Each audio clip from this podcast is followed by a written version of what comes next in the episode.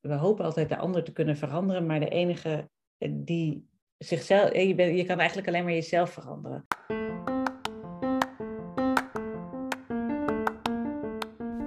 Dit is de Klimaatdokter Podcast. De podcast voor de klimaatbewuste arts. Tips, achtergronden en interviews met inspirerende collega's. Ik ben klimaatdokter Anne. Of je nu al in actie komt of nog zoekende bent, fijn dat je luistert.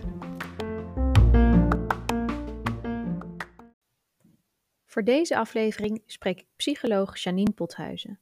Vanuit haar bedrijf De Verandercoach helpt zij bedrijven aan een groene organisatiecultuur. Daarnaast is ze actief bij klimaatgesprekken en zo kwam ik met haar in contact. Oktober vorig jaar volgde ik de training tot klimaatcoach bij Klimaatgesprekken. En zo leerde ik de eerste drie regels van een goed klimaatgesprek. Luisteren, luisteren, luisteren. Want zoals Janine straks ook vertelt, we kunnen mensen niet veranderen. Dat kunnen zij alleen zelf. We kunnen ze wel onze eigen verhalen geven, met een gezonde dosis hoop, humor en handelingsperspectief. En dan hopen dat dat zaadje uitgroeit tot wat moois. Ik wilde graag meer leren over een groene transitie teweegbrengen op de werkvloer. Het liefst op een manier waarbij je en verandering teweegbrengt en je collega's je nog steeds aardig vinden. Gelukkig wilde Janine me daarbij wel helpen. Welkom Janine, dank dat je wilde aansluiten om uh, mij en ook de luisteraars iets te leren ik had er in ieder geval heel veel zin in en heel veel vragen die ik wilde stellen. Dus fijn dat ik je zo uh, het hemd van het lijf kan vragen. Prima, leuk. Uh, en mijn eerste vraag is: zou je je kort willen voorstellen en willen vertellen waar jouw groene hart vandaan komt? Ja, uh, mijn naam is Janine Pothuizen dus en ik ben organisatie, opgeleid organisatiepsycholoog, altijd bezig met gedrag van mensen en geïnteresseerd in waarom mensen doen wat ze doen. En, uh, en eigenlijk altijd vanuit de sociale uh, drijfveer. Want ik was altijd bezig in mijn werk als organisatieadviseur en trainer. Altijd bezig met gelijke kansen te creëren voor mensen, ongeacht waar je bed gestaan heeft. En ik had een, heb een partner die, die eigenlijk een heel donkergroen hart heeft. En, uh, en altijd bezig was al, nou, vanaf het moment dat ik hem leer kennen, uh, leerde kennen met, uh, met milieu, duurzaamheid. En in 2015 stapten wij samen in de trein in, in Italië op weg terug naar huis van vakantie. En wij stapten in een trein vol vluchtelingen. En het was september 2015 en dat was de top van de vluchtelingencrisis. En in mijn hoofd had ik uh, gehoord dat er vooral Syrische vluchtelingen waren. Dus ik had dat op nieuws gevolgd en gedacht dat zijn allemaal Syrische vluchtelingen. En ik zat in de trein met allemaal mensen uit Eritrea, Ethiopië. En ik, uh, ja, eh, ik, ik, was verbaasd en zoekende waar komen deze mensen vandaan en waarvoor zijn ze op de vlucht. En, en toen zei mijn partner, ja, dat zijn klimaatvluchtelingen, alleen die status hebben we niet. Uh, en toen ben ik dat verder gaan uitzoeken. En uh, toen bleek de VN daar al een rapport over geschreven te hebben dat uh, de komende jaren steeds meer klimaatvluchtelingen ja, eigenlijk hun, hun, huis en hart verlaten omdat er geen mhm. oogst meer is. En dit was al de start daarvan. En dat was voor mij eigenlijk daar waar mijn sociale hart en mijn mijn uh, groene hart samenkwamen. Want ik dacht, ja, ik kan heel hard werken aan gelijke kansen in Nederland. Maar als we ondertussen met onze leefstijl en onze keuzes in Nederland uh, de wereld uh, ja, kapot maken en, en, en daarmee ook een plek waar mensen veilig kunnen wonen kapot maken. Ja, dan ben ik eigenlijk een soort aan het dweilen met de kraan open. Dus ik moet de kraan gaan dichtdraaien. Ja. En ook wel een heel beeldend voorbeeld, echt een, een beeldend moment dan dat dat inzicht is gekomen. Ja, ja, het was nog beeldender dan dit. uh, want, want het was ook meteen, dus daar kwam ook mijn psychologie kwam daar meteen bij om de hoek kijken. Omdat wij zaten in die trein en, en, en bij de grens uh, bij Duitsland. Uh, Duitsland had net gezegd dat ze anders wilden omgaan met de vluchtelingen. En bij de grens bij Duitsland werd iedereen uit de trein gehaald. Moest iedereen zijn paspoort laten zien. En niemand kon dat, behalve wij. Dus die hele trein werd leeggehaald. En wij zaten met z'n tweeën nog 30 minuten in de trein naar München.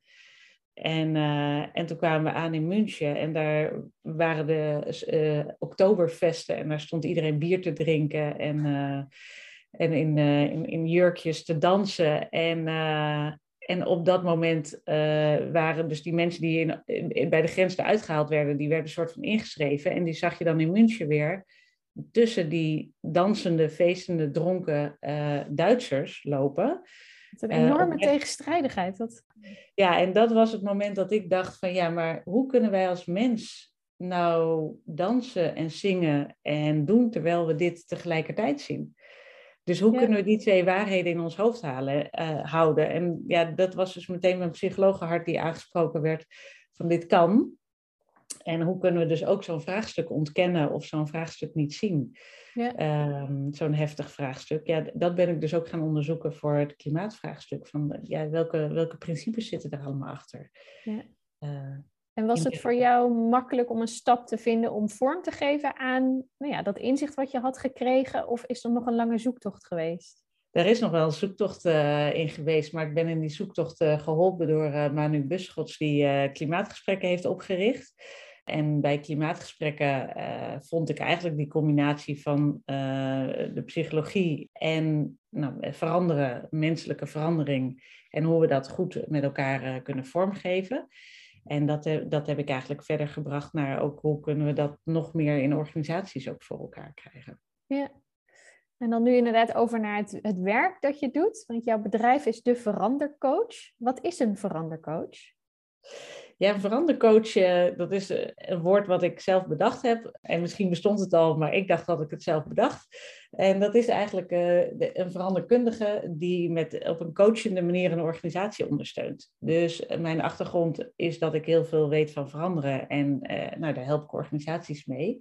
Maar ik neem, daar nooit, ik neem het nooit over van ze. Ik sta altijd naast ze en uh, laat de mensen, ja, wil eigenlijk de professionals versterken om dat zelf in hun eigen werk te kunnen doen. Ja, dat ze zelf het werk mogen doen en jij adviseert. Uh, mijn vorige werkgever zei altijd, wij zijn intelligente doeners. Bij adviseren lijkt het altijd alleen maar of je stil zit, maar ik, ik help ook echt wel mee. Maar altijd mm -hmm. met, het, uh, met het uitgangspunt dat ik mezelf overbodig maak. Ja, en wat is een fout die vaak gemaakt wordt bij organisaties die willen veranderen? Uh, organisatie, wat, mensen, eh, wat menselijk is, is dat we niet altijd direct naar onszelf kijken, uh, maar eerst kijken naar de ander. En kijken naar ook andere processen. Hè? Dus niet zo snel kijken naar van hé, hey, wat kan ik nou in mijn eigen werkproces veranderen? Uh, in mijn eigen ja. gedrag, in mijn eigen vakmanschap. Maar dat eerst projecteren op de andere vakmanschap. Dus wat je nu heel veel ziet als het gaat over duurzaamheid ja, dan komt toch het eerste de, de koffiebekers en het fietsenplan aan bod. En dat zijn geen slechte ideeën. Alleen die worden meestal naar voren gebracht van de mensen die in het primaire proces werken. En die dus niet kijken naar hun eigen vak. En, nou ja, als je kijkt naar de zorg, uh, is er natuurlijk in, in het zorgvak zelf ook van alles te doen wat je kan doen als professional. Ja, en ik moet gniffelen, want ik herken dit heel erg van thuis. Dat mijn man heel erg de troep van mij ziet als hij het een troep vindt en niet de troep van zichzelf. Dus ik vind het zo mooi dat het een gedachteproces dat breed is te trekken. Ja, ja, ja, ja. wij zijn allen uh, mensen. En, uh, en, en, en, ondanks dat we kritisch kunnen zijn op onszelf, um, ja, zijn we ook geneigd om uh, nou ja, ook te zoeken naar van hé, hey, waar is nou. Kritisch zijn op anderen. Precies, ja. ja. ja. En wat zijn kernpunten die belangrijk zijn als je verandering teweeg wil brengen in een groep of in een organisatie? Er zijn een heleboel kernpunten waar je, uh, waar je naar kunt kijken. Maar kijk, wij als mens willen graag autonome beslissingen nemen. Dus uh, de basis is dat wij, we hopen altijd de ander te kunnen veranderen, maar de enige die zichzelf, je, ben, je kan eigenlijk alleen maar jezelf veranderen. En een ander kan ook alleen maar zichzelf veranderen. Dus de enige die die ander kan veranderen is hij zelf. En dat is uh, interessant, want dat betekent dat je eigenlijk de ander verhalen moet geven die hij zichzelf kan gaan vertellen, mm-hmm. uh, die, bij hem, die passend bij hem zijn om, te kunnen, uh, om nieuwe dingen te kunnen gaan toepassen. Dus dat is één. De autonomie is een heel belangrijk uitgangspunt. En het tweede wat belangrijk is, is dat je natuurlijk kijkt naar wat gaat er al goed. Hè? Waar, zitten, waar zitten de krachten? Dus we zijn geneigd om dan meteen te kijken naar wat er allemaal anders moet. Maar er zijn ook echt dingen die, die al heel goed gaan niet per se uh, in het handelen al, als wel in de waarden en de intenties die erachter liggen. Mm-hmm. En ik heb op je site de wet van Meyer langs zien komen. Ja, ja. Het effect is kwaliteit keer acceptatie. Zou je daar misschien iets over kunnen vertellen? Ja, nou dat is zeker. Uh, kijk, als, wij, als, als je verandering wil bereiken, dan is het natuurlijk heel belangrijk dat je een goed voorstel hebt wat werkt. En daar zijn we eigenlijk altijd op gefocust. Hè? Op wat is de inhoud die je wil veranderen. Maar veel belangrijker is de acceptatie, of mensen het wel willen gaan doen. Hè? Dus wat ik net zei, van iemand kan alleen maar veranderen als die zelf het goede verhaal heeft om te kunnen veranderen. En dat is die acceptatie, die autonomie dat hij kiest. hey, dit vind ik ook belangrijk. En acceptatie zit dus ook in dat mensen mee kunnen denken in die verandering. Ja. Dus ja, daar zit dus uh, de uitdaging om niet alleen te, in te zoomen op, op de inhoud, maar juist ook in te zoomen op die acceptatie. Want het grootste deel van de verandering zit in die acceptatie en niet in die inhoud. Dus om het fietsenplan als voorbeeld te nemen, je kan een heel mooi fiets, financieel aantrekkelijk fietsenplan oprichten, maar als je je niet richt op waarom zou deze werknemer met de fiets gaan, ja. waarom zou die daarvoor kiezen, dan, dan faalt het. Ja, zeker. Ja, als die mensen niet, en als ze daar niet zelf over, na, over meegedacht hebben, hè, maar dat soort van opgelegd voelen, uh, ja, dan, eh, dan, dan faalt hij sowieso. Dus, uh, dus het feit dat je, dat je dat je, je mede-eigenaar voelt van de oplossing, uh, ja, dat bepaalt, uh, dat bepaalt uh, het succes van de oplossing. Ja. Hey, je vertelt het verhaal in de persoon aanspreken, de autonomie laten voelen. Lijkt me best lastig als je een grote groep hebt van individuen. Is een groep veranderen de individuen veranderen? Of is er nog iets overstijgend wat je kan aanpakken? Ja, de, de grote groep veranderen is, uh, het is een systeem van individuen. En dat systeem heeft met elkaar uh, een bepaalde cultuur en creëert een bepaalde context. En we hebben met elkaar normen en waarden vastgesteld van wat vinden wij normaal als, uh, als systeem, als groep mensen. En als je dus het systeem wil veranderen, of die, die groep wil veranderen, dan, dan moet er een nieuw normaal gecreëerd worden. Mm-hmm. En dat vraagt dat in het begin individuen tegen de stroom in gaan zwemmen. En dat die, dat die iets anders gaan laten, dus gaan afwijken van het normaal. En die individuen riskeren dat ze daarop aangesproken worden en dat ze eh, eh, buiten de groep geplaatst worden of, of dat ze weggezet worden als, uh, als gekkies of als, ehm, als mensen die, die, die idealistisch zijn of irreëel zijn. Maar dat is stap één voor die groepsverandering. Ergens moeten de mensen zijn die vanuit intrinsieke motivatie ehm, de norm ter discussie willen stellen. Ja. En als zij de norm ter discussie stellen, dan komt er een, een vervolgende tweede groep die dat wel interessant vinden. Die wel denken van hé, hey, er is wel iets mee. Maar die, zolang die groep onzichtbaar blijft, mm-hmm. gaat de rest niet mee veranderen. Dus ergens is de, is de uitdaging om die, die groep die, die, die in het begin gaat volgen, om die zichtbaar te maken. Om verhalen te geven waarmee ze, toch maar even het voorbeeld van de lunches, bijvoorbeeld bij de lunches op het werk, dat ineens de default wordt dat je, uh, dat je moet zeggen uh, dat je vlees wil, in plaats van dat je moet zeggen dat je vegetariër bent. En dan geef je nog steeds de mensen keus, maar dan heb je wel het normaal net omgedraaid. Ja. En, maar dat, dat kan pas op het moment dat dus die, die voorlopers uh, eerst die normen aangepakt hebben en die tweede groep, dus de, de volgers, de eerste volgers met elkaar een verhaal hebben van hé, hey, wat is het nieuwe normaal wat we willen creëren? Ja. ja. Dus als je aan het begin staat van een verandering, dan is het de uitdaging om de mensen te vinden die bereid zijn om uitgesproken tegen de stroom in te zwemmen. Ja, ja en, uh, en het is fijn en het is goed, om, want, eh, want je ziet, eh, wij denken altijd dat mensen pas willen veranderen als we in hun gedrag zien dat ze iets anders doen. Maar heel veel mensen zijn al met een intern proces bezig. Dus die zijn al bezig met een veranderproces, een verandergesprek in zichzelf. Uh, alleen dat zie je niet aan de buitenkant. Dus, uh, dus het vraagt heel erg ook om op zoek te gaan naar al die mensen die, die nog stilzwijgend zijn, uh, die nog niet in gedrag iets anders laten zien, maar die wel in zichzelf al lang een gesprek aan het voeren zijn van, joh, vind ik dit nou belangrijk, vind ik dit niet belangrijk? Ja. Dus hoe verhoud ik mij tot, tot de toekomst? Hoe verhoud ik mij tot duurzame keuzes? 70% van de Nederlanders maakt zich zorgen. Van 30% van de mensen zien we dat ze in actie zijn. Dat betekent dat van 40% zien we nog niet dat ze in actie zijn, maar dat ze ergens in zichzelf dit gesprek al lang aan het voeren zijn. Ja. Uh, en dat gesprek naar boven krijgen en dat zichtbaar maken voor de rest van de mensen, maakt dat je die beweging gaat creëren. Ja. En heb je nog een advies hoe dat aan te vliegen, hoe die stille groep te bereiken? Hoe pak jij dat aan als je binnen een organisatie komt? Ja, dat vraagt net de andere vragen stellen. Dus, uh, dus we zijn gewend om, zeker als je als professional ben je toch, ja, kom, je, kom je op je werk en heb je, wordt er een bepaalde verwachting. Hè? Heb je, denk je dat mensen iets van je verwachten en ga je ook daarnaar gedragen? Dus je komt in de context van het werk en de context bepaalt, hè, bijna 95% van hoe wij ons gedragen wordt door de context bepaald.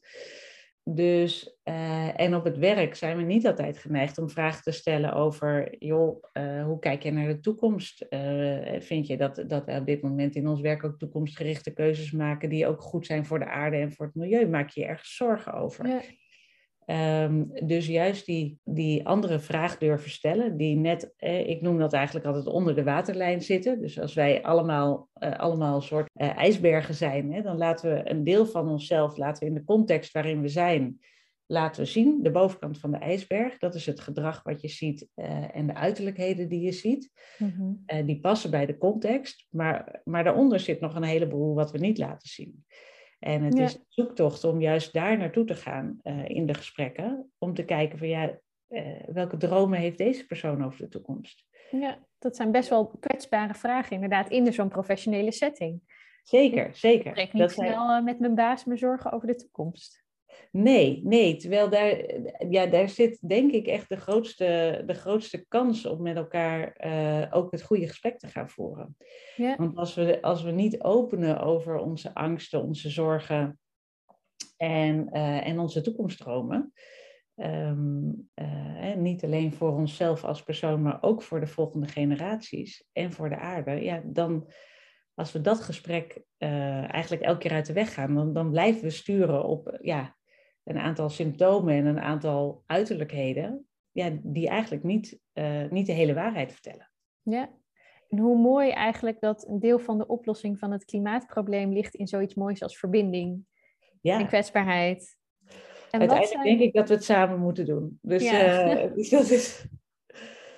En wat zijn valkuilen waar mensen of organisaties snel instappen? Of misschien een advies dat ze toch moeilijk vinden op te volgen? Ja, ja nou kijk, een van de valkuilen die ik uh, veel tegenkom is toch uh, de neiging om uit te stellen. Dus ja, het, het, duurt nog heel lang. Hè? Dus de, de mensen die, die, het, uh, die, die het ecologische crisis echt aankijken, die voelen enorme urgentie. Ja. en tegelijkertijd, op het moment dat je een verandering echt aankijkt, dan voel je ook meteen behoefte tot uitstel. omdat verandering ook spannend is. Uh, dus de neiging om dan toch uiteindelijk te kiezen van nou, misschien uh, kunnen we dat beter morgen doen of kunnen we dat in het jaarplan voor volgend jaar meenemen. Er is nu geen geld. Uh, zulke soort opmerkingen, dat is natuurlijk wat er heel veel langskomt in organisaties. Ja. En de spanning om dus de focus te gaan draaien en dit als nou, hoogste prioriteit te zetten. Ja ehm, ja, zolang het vraagstuk zich niet aandient zoals die uh, afgelopen zomer zich aan heeft gediend uh, in Limburg, uh, dan is er weer even enorme spanning. Maar als, zolang dat zich niet op die manier telkens aandient, ja, dan raakt het ook weer op de achtergrond bij mensen. Ja. En heb je advies hoe daarmee om te gaan, met die neiging tot uitstel? Uh, ja, nee, het belangrijkste is dat de meeste mensen ja, nou, stappen gaan zetten. En het helpt soms als die stappen van bovenaf wel gezegd worden. Dus als de directie zegt vanaf nu is het belangrijk dat we dit doen. Ja. Um, maar het helpt ook als de mensen zien dat ze het in kleine stapjes mogen doen. Dus dat, uh, dat de ambitie misschien wel verder weg is en heel veel spanning oplevert, omdat ze daar, eh, dat buiten hun, ver buiten hun comfortzone is. Maar dat het eerste stapje wat ze kunnen zetten in hun zone van naaste ontwikkeling zit. Dus dat ze denken, ja, daar moet ik wel een beetje voor rekken. Maar die rek, die kan ik wel. Ja. Die uitdaging kan ik aan. Overzien. Dat is te overzien. Dus het helpt om het telkens weer te knippen naar die kleine overzichtelijke stapjes. Zodat mensen uh, voelen van oké, nou, ik, ik zet een stapje. Maar dat, dat stapje levert me wel een beetje spanning op. Maar ik ga niet helemaal uh, over mijn enorme spanning. Hè. Dat gaat niet helemaal uit mijn comfortzone. Het, zit, zit aan de rand van mijn comfortzone, net erbuiten. En ik denk dat je hebt invloed op je werk, maar je hebt ook zeker invloed binnen je familie en je vriendenkring. Is er nog iets anders tussen die twee? Stel je wil wat teweeg brengen in je vriendengroep of familie of op je werk. Kun je je vrienden op een andere manier aanspreken? We hadden het al over, hè? het hebben over je dromen is misschien moeilijker op je werk omdat dat kwetsbaarder voelt. Ja, ja er, is, er is een. Uh, kijk, de, elke context maakt dat wij. Uh, in elke context handelen we anders. Hè? Dus als ik naar mezelf kijk, is uh, op de tennisclub. Als ik naar mijn privé kijk, hè, op de tennisclub ben ik iemand anders dan bij mijn vrienden. En ja. ik heb nog weer vrienden van de studietijd, zeg maar. Daar ben ik weer iemand anders. En de, de verschillen zijn maar klein, want ik ben op elke setting ben ik mezelf. Maar ik heb heel lang uh, gedacht bijvoorbeeld, op de tennisclub is de enige plek waar ik niet uh, per se mijn groene hart ga laten zien. Daar ga ik gewoon lekker tennissen en lekker mijn sport doen en, en het niet hebben over, over klimaat of over duurzaamheid. Totdat er mensen achterkwamen dat ik daarmee bezig was en mensen mij daarop aan gingen spreken en mij daarop gingen bevragen. Ja. En toen bleek ineens dat een heleboel mensen daar ook best wel bezig wilden zijn met groen. Uh, terwijl ik bijvoorbeeld mijn oude studievrienden, ja, dat zijn echt uh, allemaal mensen uh, met een groen hart die allemaal iets doen in, in de groene sector, zeg maar. En die, ja, die hebben allemaal, daar is het vanzelfsprekend dat ik het er altijd over heb. Dus de ja. context bepaalt welk gesprek je waar voert. En het is aan jou de uitdaging als persoon. Kijk, een gesprek helpt men, wat we net zeiden, ergens onderin die, onder die ijsberg zit er bij 70% van de mensen ergens wel zorgen, behoefte om de toekomst zelf ja. uh, meer invloed te kunnen hebben op de vormgeving van de toekomst. Dus als je daarover het gesprek aan wil, ja, soms helpt het juist om in je, in je vriendenkring daarmee te beginnen. Uh, omdat dat voor jou de veilige setting is waarvan je denkt, nou, als ik daar nou eens een keer wat oefengesprekjes doe, dan kan ik dat later wel eens met mijn collega's doen. Ja. Voor andere mensen geldt het net andersom. Hè? Zijn vrienden en familie uh, net te dichtbij en zijn ze bang als ze daar dan, hè, is dat juist een, een te grote stap voor hen. Want als ze daarin voelen dat ze misschien afgewezen worden op dat belangrijke element, uh, wat voor jou dan, het groene hart wat voor jou belangrijk is, ja, als je daarop afgewezen wordt, juist door je vrienden en je familie, is dat ook een hele. Uh, ja, dat raakt je meer. Ja, ja, dus dat is voor iedereen anders, maar de context bepaalt wel. En het is voor jezelf echt zoeken in welke context ga ik nou eens proberen om die andersoortige vragen te stellen. Ja, om die stille zorgen omhoog te halen als eerste stap. Ja, precies, precies. En wat ik zelf merk onder collega's is dat het klimaat heel belangrijk vinden en dat ze daar in privésfeer ook wel heel erg mee bezig zijn. Maar de stap om dat ook als professional in de zorg te doen, nog niet zetten. En als ik dus met ze in gesprek ga over het klimaat, ja, dan, dan is het inderdaad, oh ja, is belangrijk en ik doe dit en ik doe dit en ik doe dit. Hoe kan ik ze nou goed die kant op trekken om daar ook op de werkvloer wat mee te doen? Ja, ja, nou, volgens mij is de uitdaging, jullie hebben als artsen uh, heel veel waar je, waar je uh, heel veel aandachtspunten waar je op moet letten. Hè. Heel veel maatschappelijke vraagstukken komen uh, of op het bord van de artsen, de huisartsen en de, nou, de artsen zoals jij in, de, in de ouderenzorgartsen komen daar op het bordje. Hetzelfde geldt dat we heel veel van zulke maatschappelijke vragen ook heel vaak bij scholen neerleggen. Zo, nou oké, okay, de maatschappelijke vragen, oké uh, dat mag dan de school wel oplossen.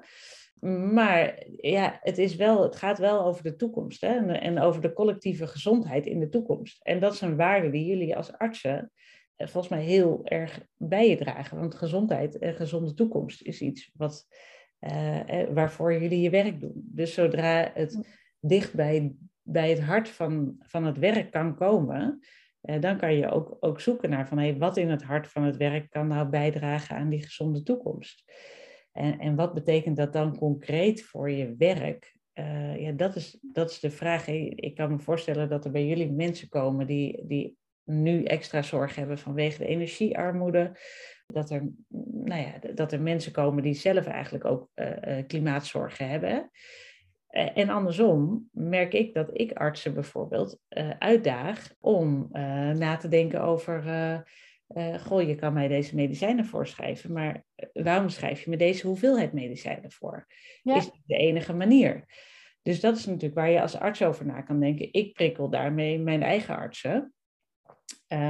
maar andersom kunnen artsen daar zelf over nadenken. Ja, wat, in, wat in mijn werk uh, vraagt, het, het, levert zoveel impact op, de, e, op het ecosysteem. Ja, en dat zijn natuurlijk medicatie is daar een heel groot uh, onderdeel van. Ja. ja, en, en dat is een van de zaken waar je natuurlijk de vraag bij kan stellen. Moeten we mensen altijd aanbieden wat we gewend zijn om aan te bieden? Of kunnen we ook kijken of er met minder medicatie ook een goed effect te halen is? En mensen, kan worden. Ja. ja, kijk, als mensen voldoende welzijn ervaren, is dat natuurlijk een, uh, een, belangrijk, een belangrijk onderdeel. En zelfs zonder medicatie, want je ziet ook dat heel vaak een welzijnsprobleem opgelost wordt, uh, ingebracht wordt als een fysiek probleem. En dat we daar medicatie voor voorschrijven in plaats van een welzijnsoplossing. Ja, wat ik wel veel langs hoor komen is uh, nou ja, gejaagd leven, hard werken, veel koffie drinken en dan bij de huisarts komen voor slaapmedicatie, maar het niet rustiger aan willen doen.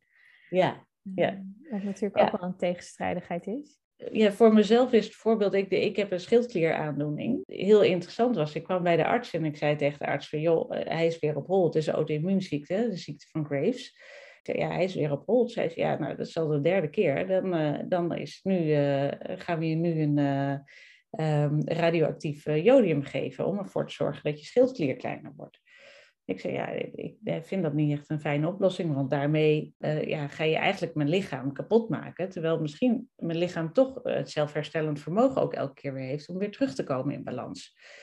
Zei ze, ja, ja, maar de meeste mensen vinden het gewoon fijn als het in één keer opgelost is. Want ja, we kunnen ook je schildklier weghalen en dan geef je de rest van je leven medicijnen. Ik zei, ja, maar dat is toch een rare oplossing. Ik zei, ja, maar de meeste mensen vinden dat wel handig.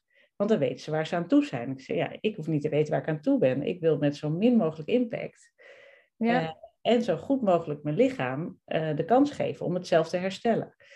Uh, dat is een gesprek waar de arts in de basis niet, niet bij start, zeg maar. Nee, en er zijn natuurlijk een hele hoop factoren die dat zo maken. En ik denk dat daar ook wel een hele mooie kans ligt voor patiënten om hun waarde heel goed aan te geven. Ja. Uh, om, om dat gesprek wel vaker te voeren. Dus mooi dat je dat ook zo doet met je arts. Ja, en dat is natuurlijk, eh, dit, dit komt puur uit mijn intrinsieke motivatie om, uh, om iedereen in zijn vak uh, ja. aan, te, aan te moedigen om erover na te denken. Kijk, de, ik stel dan natuurlijk ook, ook omdat ik het gewoon leuk vind, maar ook de vraag van, joh, weet je hoeveel, hoeveel impact op het klimaat deze behandeling heeft?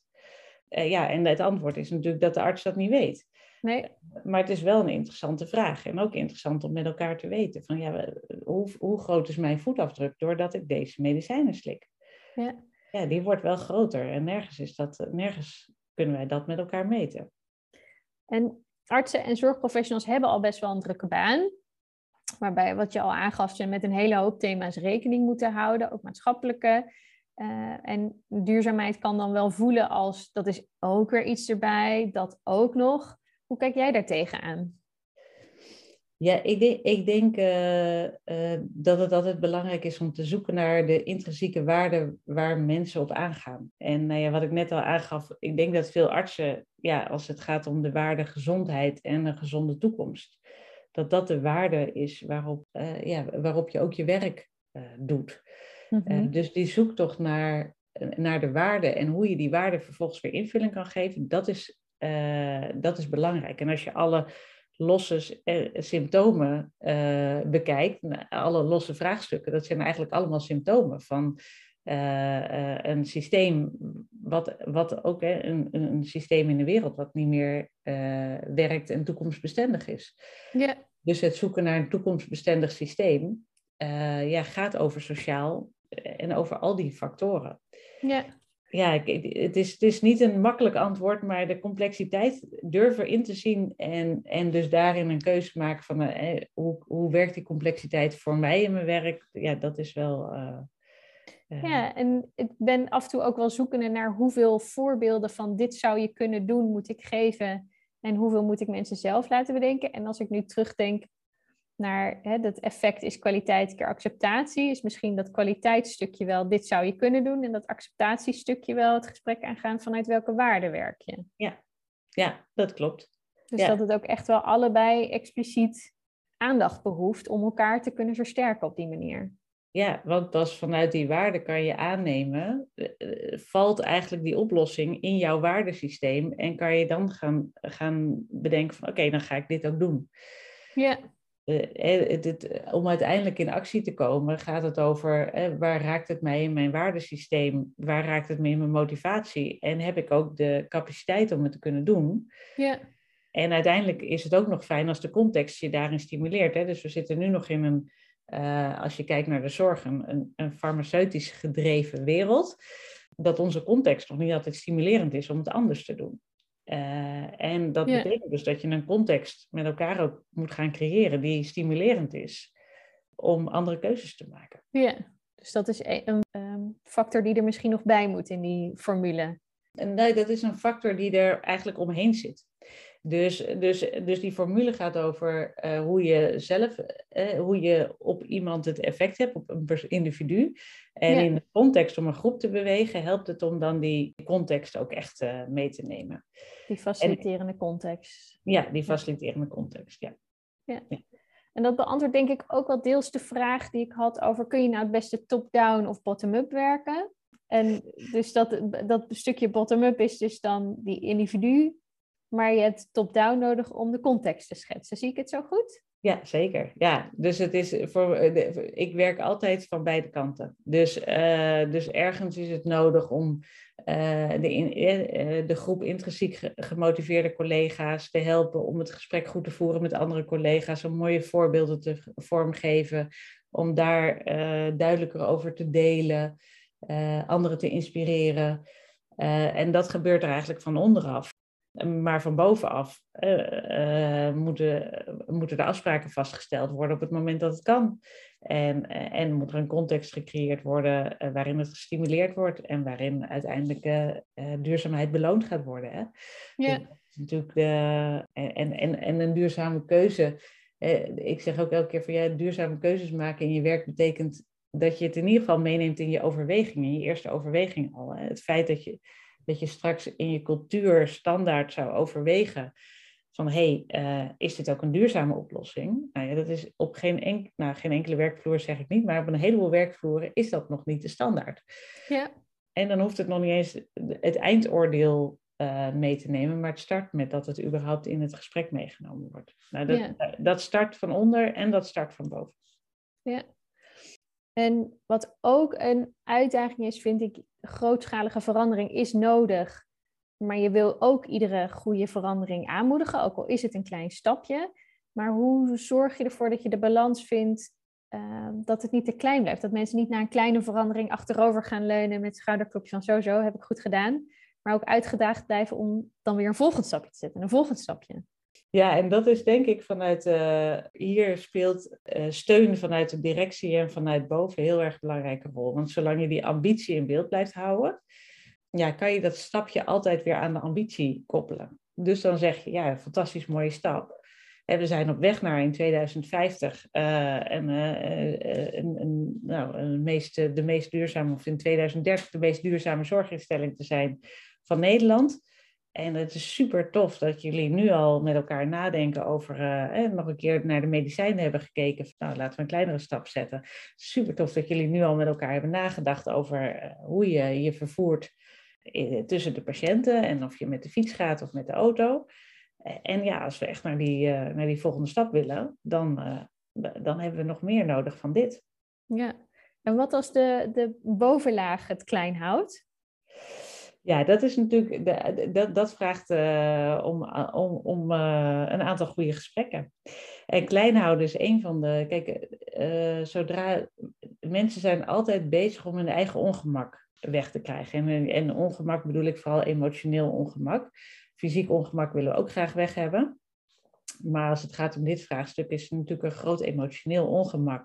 Mm -hmm. Omdat het pijnlijk is om aan te kijken, omdat het nou, angstig maakt, verdrietig maakt en ook spannend is om aan te gaan. En, uh, en ook spannend qua wat betekent dit uh, niet alleen in, uh, in dat ik iets moet veranderen, maar ook zeker als het gaat om directies en wat betekent dit voor mijn positie, voor mijn machtspositie, wat, wat gaat er veranderen? wat gaat er veranderen in het systeem? wie, wie is straks de baas? Wie mag straks bepalen? En om die, dat ongemak van die vraagstukken uit de weg te gaan, um, nou, stoppen we vaak als het spannend wordt. Dus dan denken we, nou, dit hebben we mooi gedaan. En dan maken we dat vooral heel groot. Om maar die stap die nog spannender is, uh, niet te hoeven zetten. Eigenlijk nog een beetje de kop in het zand te kunnen steken. Nou, in ieder geval nog niet ontspannen te zijn in, je, in het ongemak wat, uh, wat de volgende stap uh, en de spanning die met de volgende stap meegaat. Ja. Ja, want als je groot gaat denken, dan vergt dat ook dat je dus inziet hoe groot het probleem is. Ja. En nou, en wel in het verlengde daarvan, wat ik zelf heel frustrerend vind, is dat die urgentie niet gevoeld wordt. Hè, wat denk ik ook wel te maken heeft met dat dat ontzettend eng is om te voelen, dat het heel erg urgent is. En waar ik dan heel erg een tweestrijd in ervaar, is aan de ene kant wil je mensen wakker schudden, maar aan de andere kant weet ik ook heel goed, verandering gaat op ieder zijn eigen tempo. Hoe ga jij hiermee om? Ja, ja eh, ook die vind ik heel lastig. En uh, uh, afhankelijk van wat de relatie is met degene met wie ik op dat moment contact heb, benoem ik soms mijn eigen urgentie wel. Dus dan benoem ik dit ongemak. Dan zeg ik van ja, ik merk gewoon zelf dat ik, dat ik ik echt ongeduldig word, dat ik het echt zie als een urgent probleem. En dan vind ik het soms moeilijk om te merken dat jij er een ander urgentieniveau aan geeft. Ja. Uh, want ik zie aan je dat je het belangrijk vindt, maar jij, jij vindt het kennelijk minder urgent dan ik. Klopt dat? Uh, dus op die manier kan je een beetje, ja, zolang je bespreekbaar maakt vanuit. kijk, als je die urgentie niet bespreekbaar maakt en je bent in gesprek met iemand, dan voelt hij hem bij je. Ja. En dan voelt hij de druk. Dus zodra je het bespreekbaar gaat maken en benoemt van joh, ik merk gewoon dat ik die urgentie voel. En als jij dan zegt van joh, hier kunnen we volgend jaar mee aan de slag. Ja, dan word ik zenuwachtig. Eh, eh, klopt dat dat jij die urgentie minder voelt? Nou, dan heb je daar het gesprek over. Ja, ja mooi. We zijn al op een paar knelpunten ingegaan. En ik wilde nou uh, de column Vraag het Janine doen. Met lastige situaties op de werkvloer en wat daarin eh, jouw advies is. Okay. Met een paar uit het leven gegrepen situaties. Het zijn niet allemaal collega's om de privacy te waarborgen, maar ik schets het hier als collega's. Okay. De niet bewuste klimaatsbegaat. De collega die heel bewust bezig is met duurzaamheid, weinig afval, tweedehands, maar wel drie tot vijf vliegreizen per jaar maakt en daar vrolijk over vertelt tijdens de lunch. Hoe ga ik hiermee om? In hoeverre weet jij uh, of die collega zich uh, bewust is van, die, uh, van, die, van wat vliegen doet met het klimaat? Laten we zeggen dat ik niet weet hoe die collega daarin staat.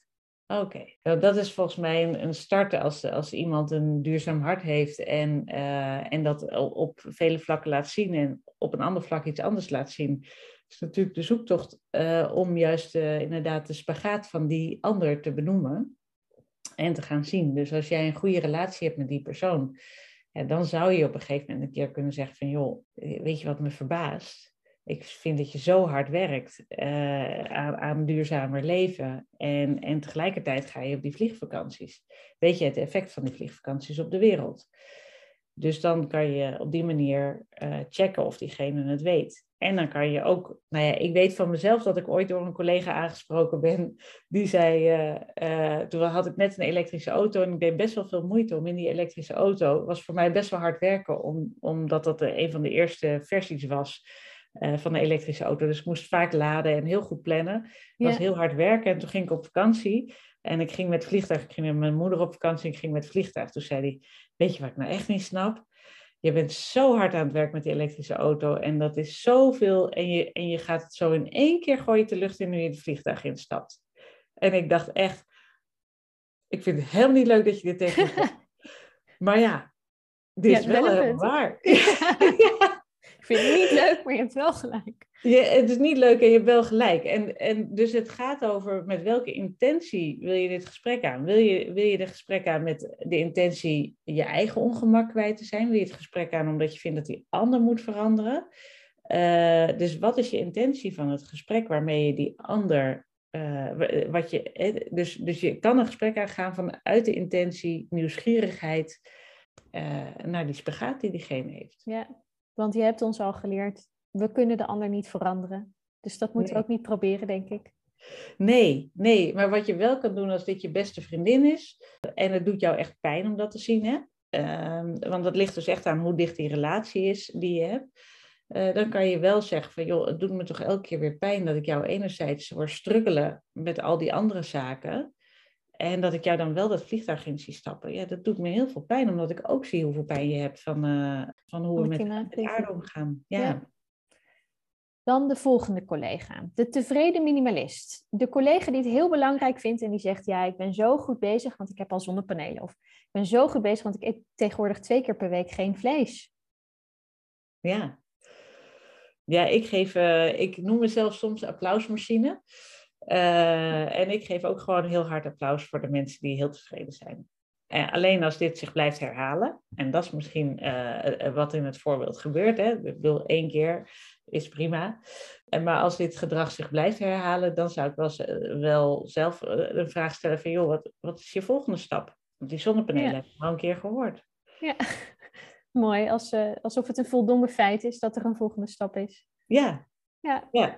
Dan de Calimero de collega die zegt, of misschien wel het gevoel in jezelf dat het zegt, wat ik doe maakt zo weinig uit. Dat is echt een druppel op de gloeiende plaat. Ja, die bedrijven en de overheid, die moeten wat doen. Ja, ook een mooie en ook veel voorkomend. Ja, zie jezelf niet als oplossing van het probleem, maar zie jezelf als een bijdrage aan de oplossing van het probleem. Uh, en daarmee wordt, zeg maar, uh, want, want dat is ook, wij kunnen niet meer dan bijdragen aan de oplossing. En wij kunnen het niet en dat, uh, dat verschil zien geeft mensen ook vaak weer de kracht om dan toch weer te denken: hé, hey, maar welke bijdrage kan ik dan wel leveren? Ja, je hoeft niet de hele oplossing te zijn, maar kan wel onderdeel zijn. Ja. ja. En dan uh, de klimaatontkenner. Ja, dat verhaal met CO2 is natuurlijk gewoon helemaal onzin. Ja, daarvan uh, kies ik vaak om daar vooral even niet mijn energie in te steken. Ja omdat dat, kijk, tenzij ik weet, hè, dus het is altijd weer hoe goed ken je diegene, tenzij ik weet dat er ergens wel iets is waar, hè, wat hij ooit heeft laten vallen en gezegd heeft van, joh, ja, ik, mijn kinderen, ik hoop wel dat, eh, dat, dat er voor, de, voor mijn kinderen straks ook iets moois is, hè, nog steeds een bos is of iets dergelijks. Als die zo'n uitspraak ooit een keer gedaan heeft, hè, dan is er een aanleiding om, om misschien wel ja. aan te gaan. Dan heb je een aanwijzing dat die ambivalentie er zit. Ja, Precies. Als je die aanwijzing hebt dat er ergens ambivalentie zit, dan kan je het gesprek aangaan en anders is het gewoon, uh, gewoon nou, uh, dan, dan komt hij vanzelf wel eens een keer uh, nieuwsgierig naar jou toe op het moment dat hij er wel klaar voor is. En dan de laatste, de plaatsvervangende perfectionist, die zegt, ja, je vindt duurzaamheid toch zo belangrijk, maar je bent wel met de auto vandaag. Ja. En dan even niet vanuit oprechte nieuwsgierigheid die we hebben gehad, maar die met het vingertje komt wijzen. Ja, ja, ja de projectie. Hè? Dus dat is de projectie van uh, iedereen heeft behoefte aan consistentie en, uh, en diegene ziet in jou inconsistent gedrag. En wat ik daarin altijd zeg is van ja, ja, ja, ik ben net als iedereen ambivalent. Weet je, soms ga ik met de auto en daar heb ik dan een reden voor. En in dit geval is mijn reden, uh, ik moet hierna naar mijn moeder toe en, en die wil ik ook graag zien. En die woont onhandig bereikbaar met de trein en anders ga ik niet naar haar toe. Uh, dus, eh, dus je kan het gaan uitleggen, je hoeft het niet eens uit te leggen. Het feit dat we allemaal ambivalent zijn en dat jij dus ook dubbel bent in je keuzes en dat consistente, consistent zijn eigenlijk niet bestaat als mens, dat willen we wel, maar dat zijn we nooit. Ja. Ja, als we dat met elkaar gaan accepteren, dat zou de verandering al zoveel makkelijker maken. Want we kunnen nooit consistent in één keer bam iets anders laten zien. Dat gaat altijd geleidelijk en daarmee dus ambivalenties. Ja, en door dat te laten zien, gaat er misschien ook wel een deurtje in het hart open van die ander. Van oh, dus ik hoef niet zo streng voor mezelf te zijn. Precies, ja. Dan wil ik je te vragen om te dromen over 2050. Want in 2050 zijn we, we als maatschappij en dus ook als zorg klimaatneutraal. Hoe denk je dat we dat bereikt hebben? Hoe hebben we de zorg zo vormgegeven dat we neutraal zijn? Hoe ziet de zorg er dan uit? Mooie vraag. Um, ja, als ik daarin droom, eh, dan, dan droom ik erin dat de zorg in ieder geval uh, meer gericht is op welzijn dan op per se genezing. Ja. Uh, uh, dus ook meer, psyche, ja, meer systemisch, wil ik zeggen, maar niet de, de losse symptomen zien, maar de symptomen zien als geheel van, van, van dat mens ja. die, daar, die daar zit. En, en daarbij vind ik het ook denk ik dat in de toekomst, als we echt met elkaar een stap willen zetten, en die hoor ik ook heel vaak van zorgprofessionals terug, dat, dat we ergens iets moeten met meer palliatieve zorg leveren. Ehm, en niet altijd alles en iedereen willen genezen. Maar eigenlijk uh, ja, het gesprek aangaan over, nou ja, misschien de dood meer accepteren als onderdeel van het leven. Hè. We zijn nu geneigd om de dood niet als onderdeel van het leven te accepteren. En zolang we eigenlijk iedereen maar laten leven, uh, ja, dan blijven we ook heel veel van de aarde vragen. Um, en de aarde is niet gemaakt opdat wij 150 jaar worden allemaal. Ja. Uh, dus ergens, uh, overigens is ons lijf daar in mijn beleving ook niet voor gemaakt, maar tot nu toe lijken we daar elke keer weer een nieuwe oplossing voor te bedenken. Maar de dood weer, en dus ook het verdriet en de rouw die hoort bij de dood als onderdeel van het leven omarmen, waardoor de dood ook een onderdeel van het gesprek kan zijn uh, bij ziekte. Ja. ja, ik heb ooit van mijn eerste baan een mooie tegeltjeswijsheid van een van de geriaters, dus een oudere dokter in het ziekenhuis, gekregen. Die zei: doodgaan is ook altijd een optie. Ja. En dat het soms ook aan ons als dokter is om die optie te bespreken. Omdat soms bij patiënten ook wel het gevoel kan bestaan. Ja, maar ik doe het voor de dokter, want die doet zo zijn best. Ja, ja nou, dat, dat zou helemaal ernstig zijn. Ja, ja, ja, ja. Oh, het, is heel, het is natuurlijk heel vaak voor, eh, voor, eh, en voor de familie, voor de kinderen, voor iedereen blijft is het idee dat je dat leven, blijven leven, uh, de belangrijkste uh, optie is. Ja. En de beste optie. Terwijl, ja, dat is, dat is de vraag met elkaar. Ja, ja welzijn is, ja. kan ook op de voorgrond staan, wat je zegt, inderdaad. Ja, en als we kijken naar een gezonde toekomst, dan is dus de vraag: is gezondheid altijd. zijn we zo individueel geworden, individualistisch geworden, waarin we denken: individuele gezondheid is en dus genezing is, uh, is het allerbelangrijkste. Of, of is de spagaat die collectieve gezondheid, waarin dus de individuele gezondheid misschien wel eens een, ander, een andere vraag, ja, een andere vraag zou moeten zelf, ja, daaraan ondergeschikt zit, zeg maar, ondergeschikt is. Ja. Dus ja, voor 2050 hoop ik dat we daar open het gesprek over voeren. Dat dat onderdeel is van de genees kunde en dat palliatieve zorg dus en welzijn daarin een belangrijk onderdeel zijn. Ja, niet zozeer streven naar maximale gezondheid, maar streven naar welzijn. Ja, maximaal welzijn misschien wel. Hè? Ja. Waarbij, dus ik vind ook de aspecten, dat, ja, dat hoop ik eigenlijk ook in 2050, dat de positieve gezondheid, dat dat ons uitgangspunt is van de hele gezondheidszorg, dat zou ik heel tof vinden. Ja, dat vind ik ook wel heel mooi. Want dan kijken we echt streven. Ja. ja, echt een mooie holistische blik. Ja. En dan als laatste, we hebben heel veel besproken en ook heel veel uh, tips die men eruit kan halen. Maar wat is ofwel een tip die nog niet aan bod is gekomen, ofwel de tip waarvan je zegt, dat is hetgeen wat mensen uit deze aflevering moeten onthouden? Je, je kan echt, iedereen kan bijdragen. Dus in je vak, uh, in jullie vak, uh, als arts in de zorg, um, ja, is echt nog heel veel bij te dragen om, voor een gezonde toekomst. En, eh, en dat kan in kleine stapjes, dat hoeft niet in één keer. Maar met elkaar open daar het gesprek over aangaan, dat is, uh, ja. dat is start 1, stap 1. Ga het gesprek aan en pak dat onderdeeltje. Ga het gesprek aan en pak dat onderdeeltje van de oplossing dat in jouw handen ligt. Ja. Dit was de Klimaatdokter podcast. Dank voor het luisteren en tot de volgende aflevering.